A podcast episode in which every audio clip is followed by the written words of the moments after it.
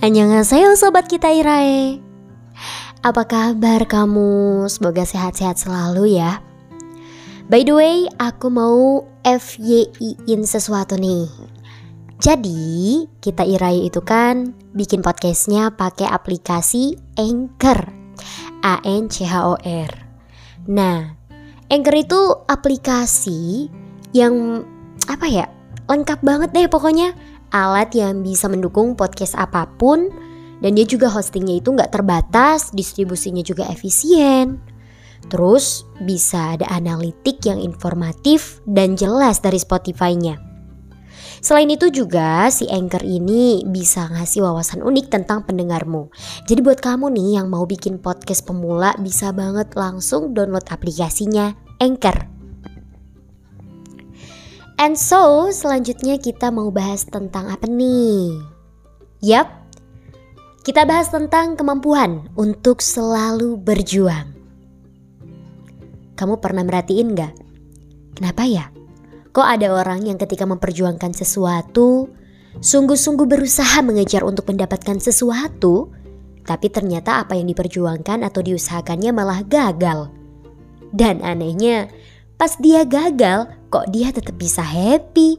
Senang-senang aja hidupnya, ketawa-ketawa kayak biasa, kayak nggak ada masalah, kayak nggak pernah gagal sebelumnya.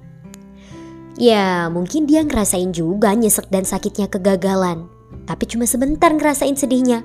Habis itu dia bangkit lagi, bangun lagi, coba lagi berjuang. Kenapa ya?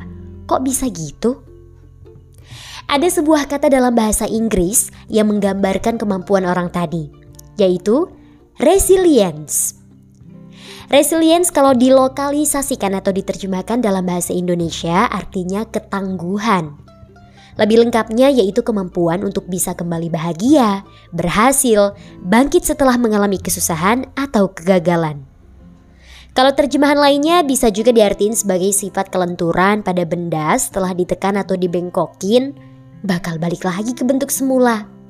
Nah, orang-orang yang gagal tapi bisa tetap happy tuh, mereka memiliki sifat resilience yang tinggi. Kemampuan bertahan dari kegagalan untuk kembali bangkit.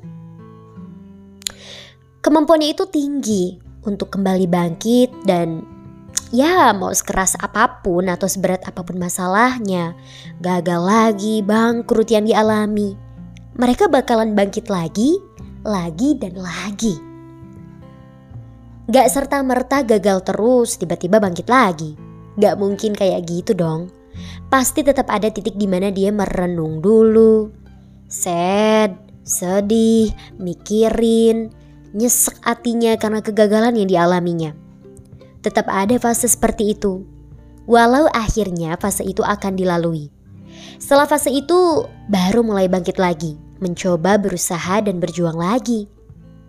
Kayaknya yang dengerin podcast kita Irai ada yang nonton anime juga ya? Kita coba ambil contoh dari cerita One Piece untuk menggambarkan situasi ini. Walaupun ini namanya ya anime, tapi ini bisa sedikit menggambarkan. Oke, ketika Luffy datang ke Wano untuk melawan Kaido, Luffy dan aliansi sudah menyiapkan rencana penyerangan ke Onigashima. Mereka membuat rencana dengan sangat matang, kapan waktunya dan bagaimana strateginya. Namun ternyata ada hal-hal yang di luar kendali kita. Hal yang mau gimana pun caranya tidak bisa kita kendalikan. Kaido lebih dulu tahu keberadaan Luffy dan aliansi di Wano sampai akhirnya Luffy dan Kaido bertempur di Kuri dan Luffy pun kalah. Ketika Luffy kalah melawan Kaido di Kuri, di sinilah sifat resilience diuji. Seberapa tangguh sifat itu dimiliki. Kalau kemampuan resilience-nya rendah, maka Luffy bakal putus asa. Tapi kalau kuat, Luffy akan bangkit lagi melawan Kaido. Kemudian Luffy masuk ke fase merenung, menerima kenyataan kalau dia kalah melawan Kaido. Lalu dia berlatih lagi agar menjadi lebih kuat. Ternyata Luffy bangkit lagi dan melawan Kaido di atap kastil Onigashima. Eh, ternyata kalah lagi. Tapi karena sifat resilience-nya yang sangat kuat, Luffy berhasil bangkit lagi dan akhirnya berhasil mengalahkan Kaido. Walaupun itu adalah cerita anime, bukan cerita kehidupan nyata kita sehari-hari. Di balik semua itu, terlepas dari cerita fiktif itu, kita bisa mengambil makna dari kemampuan resilience dalam menghadapi kegagalan yang mungkin ada teman-teman yang saat ini sedang mengalami kegagalan. Entah kegagalan dalam hal apa, mungkin di pekerjaan, gagal mendapat kerja, nggak lolos ujian, gagal dapetin doi, gagal dapat beasiswa atau gagal lomba, dan kegagalan-kegagalan lainnya. Sekarang, coba masuk ke fase berikutnya setelah mengalami kegagalan, yaitu Fase menerima kenyataan kalau kita gagal. Merenung kenapa ya kok bisa gagal? Apakah kegagalan kita murni dari suatu hal yang emang gak bisa kita kendalikan? Atau gagalnya murni karena kemampuan kita yang belum maksimal? Mulai merenung untuk mengetahui gagalnya disebabkan karena apa? Diri kita sendiri atau hal di luar kendali kita? Kalau ternyata gagalnya justru emang karena kemampuan kita yang kurang maksimal, berarti kita mesti berlatih lagi, belajar lagi, mempelajari skill atau jurus serangan baru. Kalau gagalnya emang ternyata dari hal-hal di luar kendali kita, sesuatu yang gak bisa kita kendalikan, berarti waktunya merenung berpikir untuk pindah tempat berjuang. Pindah tempat berjuang bukan berarti tanda kalau kita menyerah. Kita tetap berjuang, hanya tempat dan medan juangnya saja yang berbeda. Coba bayangkan, kamu pergi ke pantai nih, lalu membangun istana pasir yang keren. Ketika sedang membuat istana pasirnya, tiba-tiba datang ombak dari laut menghantam istana pasirmu. Lalu roboh dan burak istana pasirnya. Lalu orang-orang menyemangatimu. Semangat semangat, coba lagi ya, jangan nyerah. Kamu pun semangat dan mencoba membangun istana pasir lagi. Pas udah selesai bikin istana pasirnya, eh ombaknya datang lagi, ngerobohin lagi. Ya istana pasirnya jadi roboh lagi deh. Saat itu kamu pun sedih dan mikir. Kok istana gue roboh mulu ya kena ombak? Apa kemampuan gue cupu, bego, bikin istana pasir? Atau emang ombaknya yang terlalu kuat? Ya, namanya istana pasir kalau kena ombak ya bakal rubuh atuh. Nah, di sini ombak adalah hal yang tidak bisa kita kendalikan.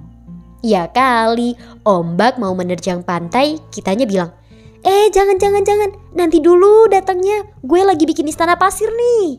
Ya nggak gitu kan? Di analogi ini, bukan kemampuan kamu yang kurang hingga istana pasir meruntuh. Ternyata ya emang ada hal yang nggak bisa kamu kendalikan, yaitu ombak. Mau dicoba lagi dan lagi membangun istana pasirnya, tetap akan runtuh ketika ombaknya datang. Di sisi lain, di balik hal yang gak bisa kita kendalikan, masih ada alternatif lainnya untuk mengantisipasi kegagalan berikutnya, yaitu pindah medan juang, ganti tempatnya. Kamu mikir, hmm, kalau gue mau bikin istana pasir, berarti jangan di pantai ini nih. Ombaknya terlalu besar menerjang pantai.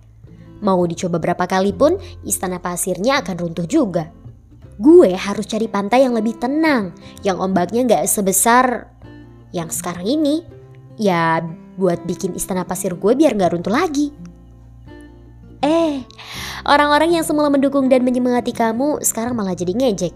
Dih, kok gitu aja nyerah sih? Masa baru dicoba sekali dua kali langsung nyerah pindah pantai?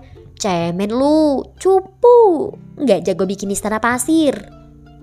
Hmm, karena kamu sadar kalau yang bikin gagal itu bukan kemampuanmu, melainkan hal lain di luar kendalimu, kamu tetap enjoy dan tidak terusik dengan komentar mereka.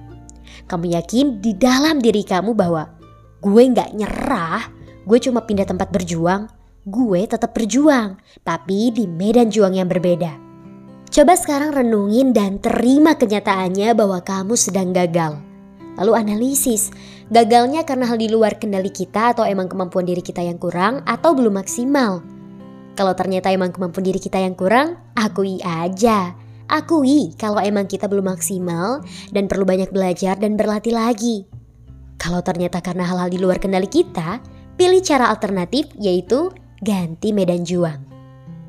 Dengan cara seperti ini bisa mengasah kemampuan resilience yang kita miliki agar lebih kuat dan stabil lagi dalam mengendalikan diri kita. Ketika kegagalan datang, kita masih bisa tenang dan kembali bangkit lagi di kemudian hari.